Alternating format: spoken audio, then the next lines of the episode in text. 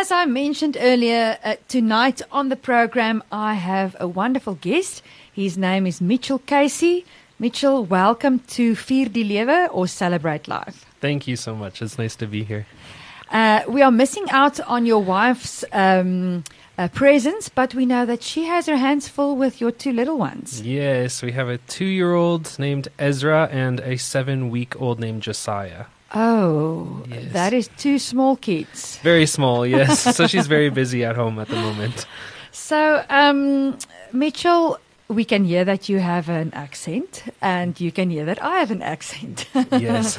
So please tell our, our listeners where do you come from, uh, where did you grow up, and how did you land in South Africa? Yeah, so I'm from the east coast of Canada. Many people think that Toronto is as far east as Canada gets, but I'm about 20 to 28 hours drive even further Oh, east from there. So, a little province called New Brunswick and an even tiny city called Moncton, and that's where I grew up most of my life. Um, yeah, and I did travel a bit through the states as a young child, and yeah, but most of my upbringing was in the east coast of Canada. Then I came to South Africa in 2017 to Ah, work at a Bible college in King Williamstown in the Eastern Cape. Right. And when I was there, I was at going to church on Sunday and I met the youth worker at the church. She was busy working in the orphanages and teaching at the schools and youth groups and all these things. And I thought what she was doing was way cooler than what I was doing. So oh. I started following her around while I was here on my tourist visa. And then I went back to Canada and couldn't stop thinking of her. So I bought a ring. I came back to South Africa. I proposed to her, and now she's my wife. And so, awesome yeah. So I got stuck in South Africa in many ways. So, but uh, as you say, you came to South Africa on a mission trip or to King Williamstown. Uh, yes. Um, but tell me, when did you get saved? It's it's a it's a funny term to say get saved, but that's how we Mm. we talk.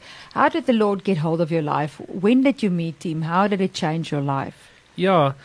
My story seems a little bit backwards because I think God put a calling on my life six years before I really came to know Jesus. Wow. So when I was six years old, I was in a Sunday school program, and the Sunday school teacher shared how beautiful are the feet of those who bring good news, Romans ten fifteen.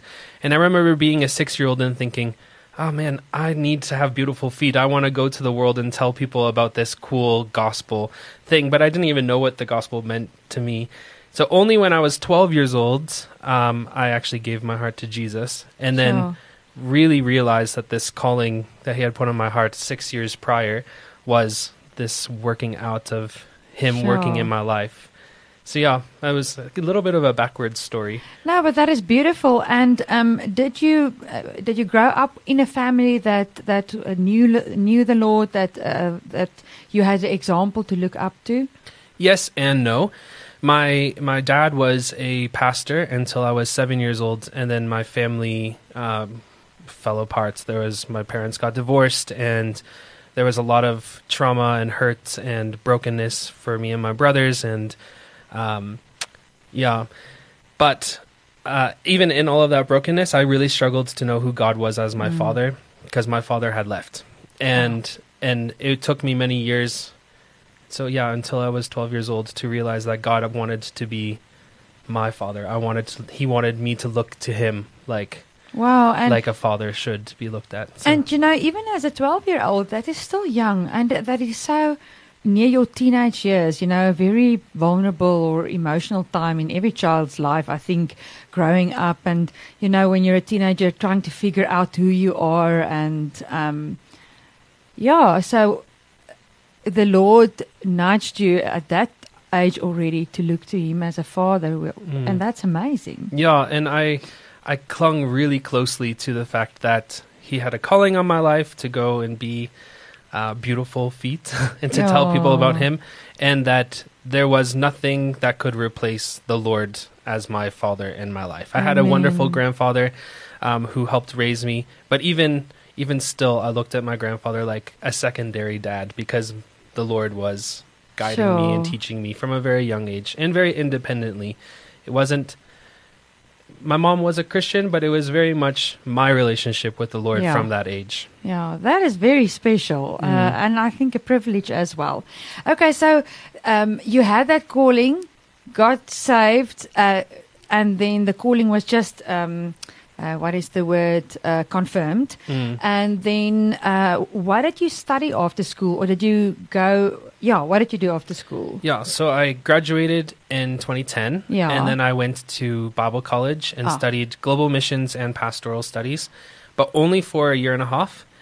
And then I I had my missions professor Mm. kind of tell me if I really am called to missions, just having a pastoral degree isn't going to allow me to get into missions.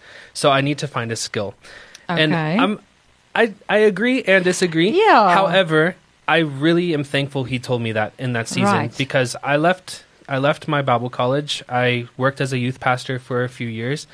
And then I really started working out, Lord, how are you going to use me overseas? How are you going to use me in another country? So then I went back to school and I studied uh, nursing. I worked Ah. as a as a psychiatric nurse and a neurosurgical nurse for about four years, and then I came to South Africa, and then you already know that part of my story. And actually, I haven't done any nursing since then, so I don't know what God's plan was, but I still think that He's going to use my nursing for- in, in the future. That is amazing. And then you came to South Africa and you saw this youth worker, um, Kylie, Mm. and uh, your wife, and followed her around. And it's so beautiful. Came back, bought the ring, and came back to South Africa. And um, obviously, she also had a passion for missions Yes. because that that is uh, how you also connected. Yeah. And now uh, the two of you are married and you're in South Africa. Did you always.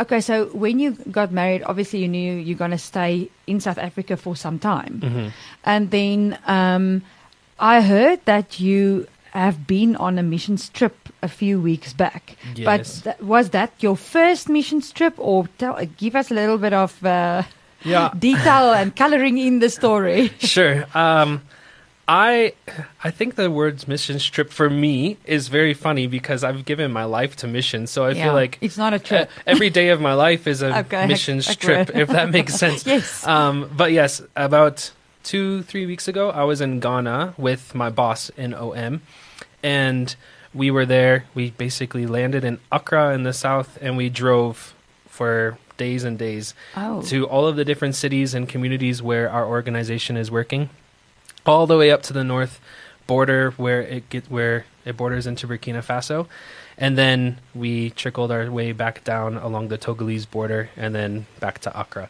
So it was about nine days of just being in a bakkie, driving around the entire country, seeing all of the things that our organization is doing and how God is moving in those places. Uh, you mentioned OM, so Yes. Operation Mobilization. Yes, yeah. So did you and Kelly join after you got married to OM, or how did that uh, come to? Yeah, good question. Kaylee Kaylee has been in OM since 2012, and uh, she did her missions training in 2012, and then left to go to the to the Logos Hope ship.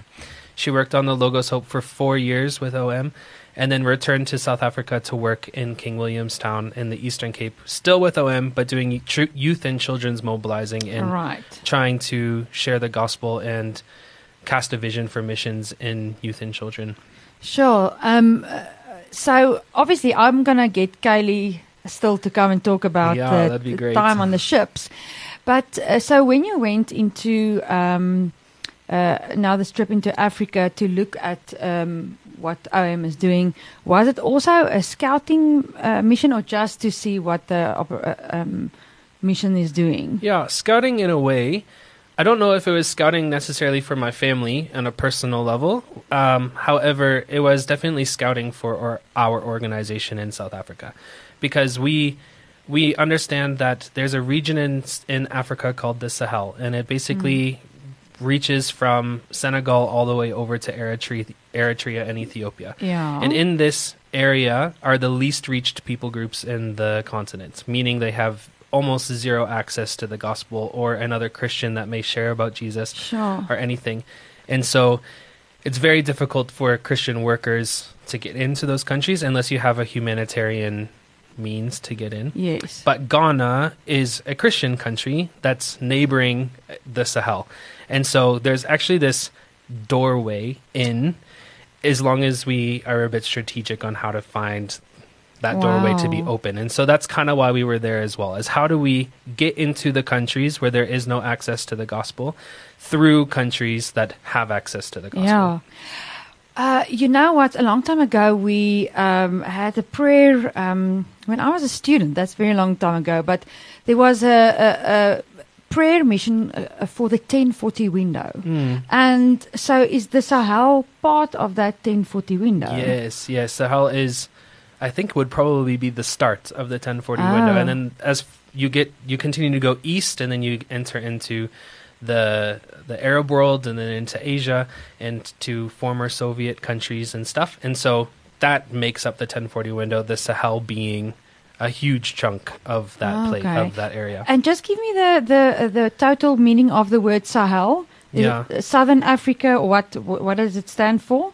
That's a very good question. I should probably know that answer. Oh, I don't. Okay, don't worry about it. I think it's it. just the actually or the I could- names of the countries. I could be, yeah, I can tell you the names. And I think the reason why it's called Sahel is I think it's a word that means uh, brown belt. Oh. And so if you look at if you look at Africa, Yeah. the north is the Sahara Desert. yes. But then you get down a little bit further into the Congo and Yeah. Nigeria, and it's very green, luscious area. So right Ah. above that green oh. is this brown belt, and that's the, considered the Sahel. Oh. So it's um, Senegal, Burkina Faso, Chad, Niger, Nigeria, Eritrea, uh, uh, Sudan, I think.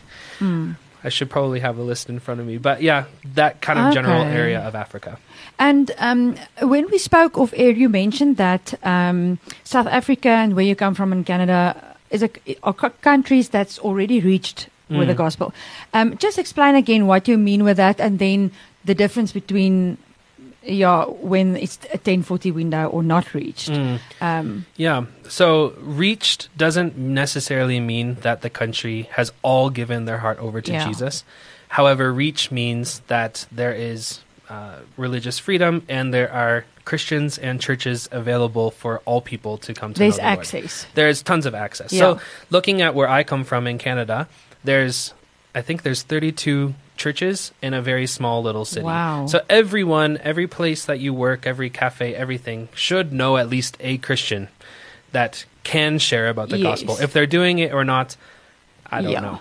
Ho- however, that would consider the area to be reached because there is access to Jesus. Right. An unreached area would be a place where there has been no Christian access, or there was Christian access many years ago in the past, and now that's not the case anymore. Mm. And so there may only be one Christian for a 500 kilometer radius. There's no Sure. church, there's no access to a Bible, there's no opportunity for anyone to hear about Jesus Yeah. unless there's a miracle that happens through a dream yeah, or, a vision or a yeah. vision or something like that. Yeah. Sure. You know what? I think we get so comfortable in what we are used to. You know, we in our country, uh, we have uh, e not every um, family, but most people have one, two, three Bibles. You Mm. know, we have the access to that, and um, I'm not always sure that we appreciate uh, what we have. You know. Um, and as you say, it doesn't mean that everybody in the country has given their lives to the Lord Mm. um, which is sad, you know, Mhm. because we have all the access, but uh, sometimes all the reached countries are so post God, you Mm. know, that they, you know, I- anything goes. Yeah. So, but um, uh, in your trip now to um, the African uh, Ghana, and Ghana, yes. upwards, um, has there been any stories, any uh, surprises, anything that was challenging, or where you could see the Lord's hand? Um, Yeah. yeah, because yeah, uh, on on Vier die Lewe or Celebrate Life, um, it's always um, my mission that we we encourage our listeners and Mm. inspire them and or remind them on who God is. You know, Yeah. and so So I do have a really have a, a really cool story. However, it sounds negative, but if you just stay with me, it, Okay. it turns into being something positive. So we went to this very small little community in an area called Yagaba in in northern Ghana. Where it's primarily from a, another religion, and a lot of the Christians that live in this area are quite persecuted. And so the the Christians that are living in this area, I would say there's probably about 30 of them and we had the chance to meet with about 15 of them. They came to a, a little building in the village, and we had the chance to sit with down, down with them in the dark, in the night, and just share and fellowship with them and hear about their their heart and their brokenness from being persecuted. They don't have a church building in the area uh, because the religious leaders from that area won't allow them to build a church building and won't allow them to gather. So they they gather kind of outside this building and they they pray that the Lord will bring them hope and bring them peace, that their communities will be transformed. And so we were kind of sitting with them, hearing this brokenness from them about hey, we've given our hearts to Jesus. Why is this so hard? And we, as oh, my yeah. boss, who's South African, and me, who's Canadian, but also I would consider South Africa to be a tattoo on my life.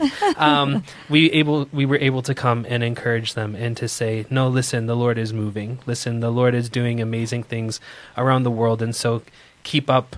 Keep on keeping on because Jesus isn't done yet here. Jesus is going to transform your families and your communities and your friends. And just to see the spark of hope that we were able to leave behind was really, really a wonderful blessing. Yeah, yeah wow. Uh, I mean, I cannot imagine what they go through. And and at the beginning, you said that Ghana is a, a Christian, mm. mainly a Christian country. So yeah. how how is it possible then that there's a tribal group there that, I mean, yeah, well, it is probably they can do whatever they want there.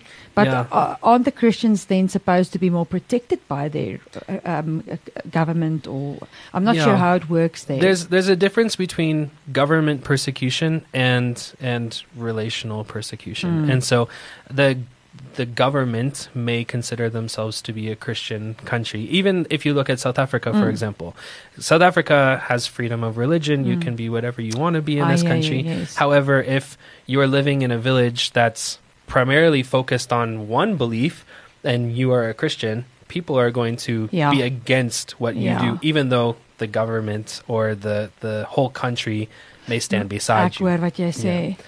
And um, when you say persecuted, uh, what do they experience? Are they have, do they have to flee for their lives, or they are there? But what happens to them when they live out their faith? Well, I know that I can't really speak for Ghana so much. I only spent yeah. nine days there, so I don't really know. But I know that I do know that in many persecuted areas, including where we visited in Ghana, uh, what can happen is if there's enough people that want to form a church community or a congregation and have a building, the the leaders in the area won't allow them to build ah. that thing. They have to be scattered. They're they're not okay. allowed to gather together. Um, another big component is that other religious beliefs often have community places where they can gather together. Yes. All of the women go and fetch water together. The men spend time hanging out and spending time mm. talking with one another, but the Christians are not welcome. And so if you are if you, you and yeah, if you if my my wife and I were to live in this community and I'm building relationships in the shop and I'm building relationships on the streets mm. and I'm making friends with different mm. people in the heat of the day when all of the men are gathering together and having fun and when the women are all together having a good laugh together yeah. my wife and I would not be welcome. And so sure. that's quite hard on the Christians that, that live in these areas because they're lonely. They don't have the community that everyone else around them gets. Sure. Ja, nou um in Afrikaans sê ons dis aangrypend. It's it's a it's a gripping uh, story I think because we actually have it so easy. Mm. You know, we don't know of yeah, I mean obviously I think sometimes in a in a business setup or at school uh, where mm. Uh, yeah, in South Africa, you know, uh, children can be bullied maybe for their um, convictions of following Jesus or whatever, but it's not as what our brothers and sisters in other countries mm. experience. Yeah. Um, tell me, what is your vision for you and your family? Um, for obviously you have the little ones, but mm-hmm. on, off air you mentioned that you wanted to go to other least reached people groups yes. from other uh, religions. So, what is? How do you? Uh, um, see yourself going as being the beautiful feet as the Lord uh, called you? Yeah. Well, before before I say that, I Yeah. will just say that there's this book called um, called The Insanity of God, and when I read this book, it it changed my life for outlook in, outlook on missions and how God moves around the world. And there's this quote in the book that says. I'm just as free to share the gospel in Utah in the States as I am to share the gospel in a country like Saudi Arabia. Because in the Bible, it tells us that Jesus has given us the freedom to share the gospel. So even though there's persecuted church, there's persecuted Christians, and there's maybe less persecuted Christians, we actually are all the church. If Mm. if my brothers and sisters are persecuted in in the 1040 window, then I'm persecuted. Yeah. I should be burdened Yeah. by those Yeah. by those Sure. pains. And so to flow into your question, Mm. my wife and I really feel passionate and called about people who have never accessed the Mm. gospel. Mm. There's people who are being born, living their entire lives, going through school, getting jobs, getting married, having children, becoming grandparents, dying, and never once hearing about Jesus. And that's such a huge burden on Mm. me and my wife. And and I even can see in my in my children as well. My son is also passionate about Wow. about praying and passionate about talking about God to the little children that Oh. come and play in our in our complex. And I'm I'm so excited to see God use us as a family Sure. to move to the least reached in a few years' time when our family has settled a little bit, and then to hopefully have the opportunity to help the Lord transform communities for His gospel. Wow, that is awesome. Um, so, at the moment, uh, are you? Uh, what is your? Um, what do you do during the day? Do you are you full full time with OM and get training, or uh, yeah? Mm. F- uh, uh, because I know Kylie's with the kids, and Mm. I mean, obviously, she. I don't know if she homeschools your two-year-old. I mean, he's probably too little to do any schooling in that. But I just play, and but I mean, to be a mom with two little ones is a full-time job. Yes. So, what what is on your plate? What are you busy with? Well, I will say my wife is a superstar because I think she works full time Yeah. with our kids and works full time in ministry. She's Wow, very, very busy and very, very wonderful. But uh, me, I work for the Operation Mobilization Leadership Team in Yeah. South Africa yeah. as the Field Connect and Partnership Relationships Associate. So, what does that mean? Yeah, it's a lot of words. Um, so basically, my job is to look at what the Lord is doing globally, um, what organizations and what ministries the Lord is using in places where we don't have access in our organization, and then build partnerships and relationships with them so that we can see more people reached, unified together as one body right. for the Lord. And to do that on an international scale. So, part of the reason why I was in Ghana was to build that relationship with Oh. ministries and missionaries working in Ghana, but also to do that on a local scale and to help find means for missionaries that want to be equipped for different areas. And so, the the people groups that live in Durban are very different than the people groups that live here in Pretoria. Mm-hmm. And so if we have someone who maybe is called and passionate about moving to India, sending them to a ministry in Durban would be much more fitted Effective. Yeah, than yeah. it would be if they stay here in Pretoria. So my job is to look at ah, what is God doing here in South Africa? Yes. How can we build networks here in the country? Yes. But also, how can I do that on a global scale, working with other missionary organizations and ministries around the world? Wow, that sounds like it can keep you busy uh, Yeah, sometime. so obviously, you take hands with other missions organizations. Um, I mean, I know there's Campus Crusade, there's World Outreach. Mm. So do you guys like network with one another as well? Um, yeah. Well, we just I just started this role in January, Oh. and it's the first time this role has ever existed for ah, for OM. right, Okay. And so I'm just in the beginning process of figuring out what are our needs in partnership. What are we needing to have to partner with? And so uh, we're in the process of strategically figuring that out in OM Mhm. at the moment, but also looking at primarily the Sahel as our focus area for South Africa because we're a part of the same Mm. continent. Mm. And so, how can we as South Africa help resource the missionaries and the people working in the Sahel? And h- what are the right partners we're going to need to make those things happen? And so that's kind of been my first project into looking to those. So, so what are the biggest need in the Sahel? Obviously, it's a it's a closed. Most of the uh, uh, Mhm. countries there uh, is closed, um, but uh, is the need Bibles? Is it uh, maybe audio? Um, yeah, what i- what is the need there? Yeah, I think the need is mass. It's very large. Mm. Um, I would say to start, the need is probably a humanitarian need because often when we look Mm. at the 1040 window, we Mm. also look at the poorest, Of the poor. uh, the poorest of the poor in the whole world.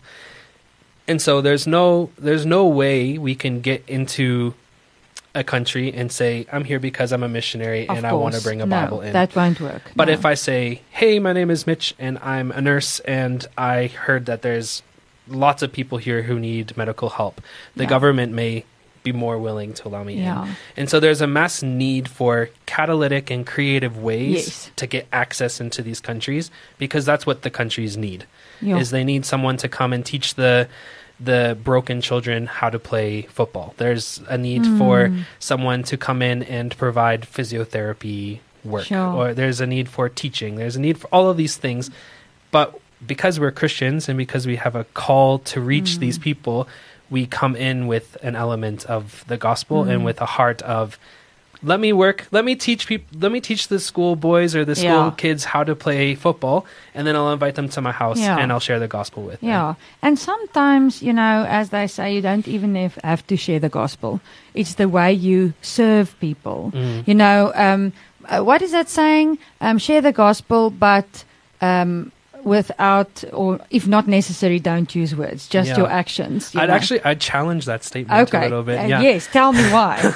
I challenge that statement because we have so many Christians that are living lives, very Mm, Christian lives, like wonderful, good lives where we, where we are, we're polite and we give the car guards a ten rand note and we're we're very nice. We're doing our Christian duty, but that car guard still hasn't heard Jesus' name You're right. today, and that car You're guard might be from a country that's never heard about Jesus. You're right. Yeah. And so, I I I, I, I love my mom. She told me this same thing my whole life. Yeah. Preach the gospel at all times and, uh, and if necessary, use words. yeah.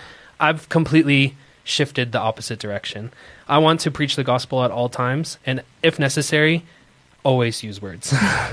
Oh, that's I that's you. the way I want to because Jesus deserves to be on my lips, right? mean, Yeah. I mean, So so true. Um, I uh, I hear what you're saying. I'm just thinking when you're going to that Sahel countries and you're busy mending someone's wound Mm, or doing physiotherapy. mm. Sometimes in that action, there's also a. Uh, you know the Lord is there, The heart of the Lord is there. The yeah, Lord is there. definitely. but um, I hear what you say. Uh, Mm. We can get so complacent Mhm. you know, uh, if necessary, w- use words. So lekker, I don't have to use words. You know, I'm just gonna.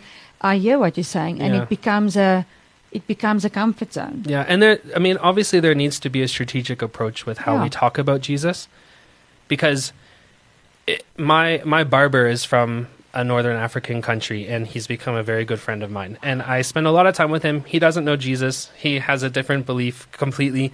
I've given him a Bible, he's given me his book and we talk about it often. But if I were to come into his shop on the very first day and say Jesus Jesus Jesus, he wouldn't have yes, wanted to build a exactly. relationship with So me. you have to be strategic, as you say. Yeah. So in OM, we actually have this term called using salty conversations, Ah, and it's a and it's this idea of in the first minute of meeting someone, you should already bring in something faith based. So okay. so you may not say I believe in Jesus, but you can say, "No, I was praying this week and Ah. I thought about this thing," or "I was reading my book this week and it, what you're telling me reminds me of this story." So you're immediately breaking a barrier in your own heart Mm. of I've already told them that I have a faith. I've already Yes. told them there's Yes. something different about me. That's right. which then that door is already open. So the next time you see them, you're not scared to open the door. Because Ah. every time you see the same person without opening that door, it gets harder and harder and harder to open it up. Sure. Wow. So how long have you been with this barber? Uh, two years. We've been living in Pretoria for. This is our third year. So yeah, we've been with him for about two and a half years. But the thing is, as you are just being faithful to who you are, following the Lord, going there regularly, sharing with Him about your our book, uh, Mm. if we can, uh, Yeah. uh, the Bible. Um, I mean, God knows when that guy's time is there. I Mm. mean, just sowing the seed and Yeah. Yeah, and I mean, there's been many times where I've been sitting in his little shop because he's my friend now, so I just sit there with him and have coffee with him and stuff sometimes. And I've heard other Christians come in, and I'm having conversations with him about Jesus and about my life because I have that relationship with him now. And these other people are like, "What? Why are you speaking to him like that? Like, don't you understand who he is?" And no, man, Jesus deserves to be spoken about, and he deserves to hear about him as well. And Yeah. and because of the way that we've found like founded our relationship, Yeah. I have the freedom to be able to say to him these really bold right. biblical things. Oh, that is so awesome. I'm actually looking forward to hear, you know, in a few months' time, you know, you never know what the Lord's going to do. Yeah. Um, and that is that is really exciting, and I think that's also inspiring me because uh, you, I think we stay quiet too much, you know. Mm. But sometimes I think we've we've learned maybe in a wrong way, you know, to bombard somebody or start, Mm. you know, um, if you die, die today, where will you go? You know, and and many years ago that was the way to do it. You know, you knock on the door. I mean, I did door to door evangelism, and I'm Mm. like. I wonder what those people thought. You know, it's uh, Yeah. barging in. You don't have a relationship with them. You have your tract with your three steps, and there you go. And um, it's not always effective to do it like that. So you, as you say, you need to have a strategy, um, and it's not always the same for every person that cross your path. No, it it isn't.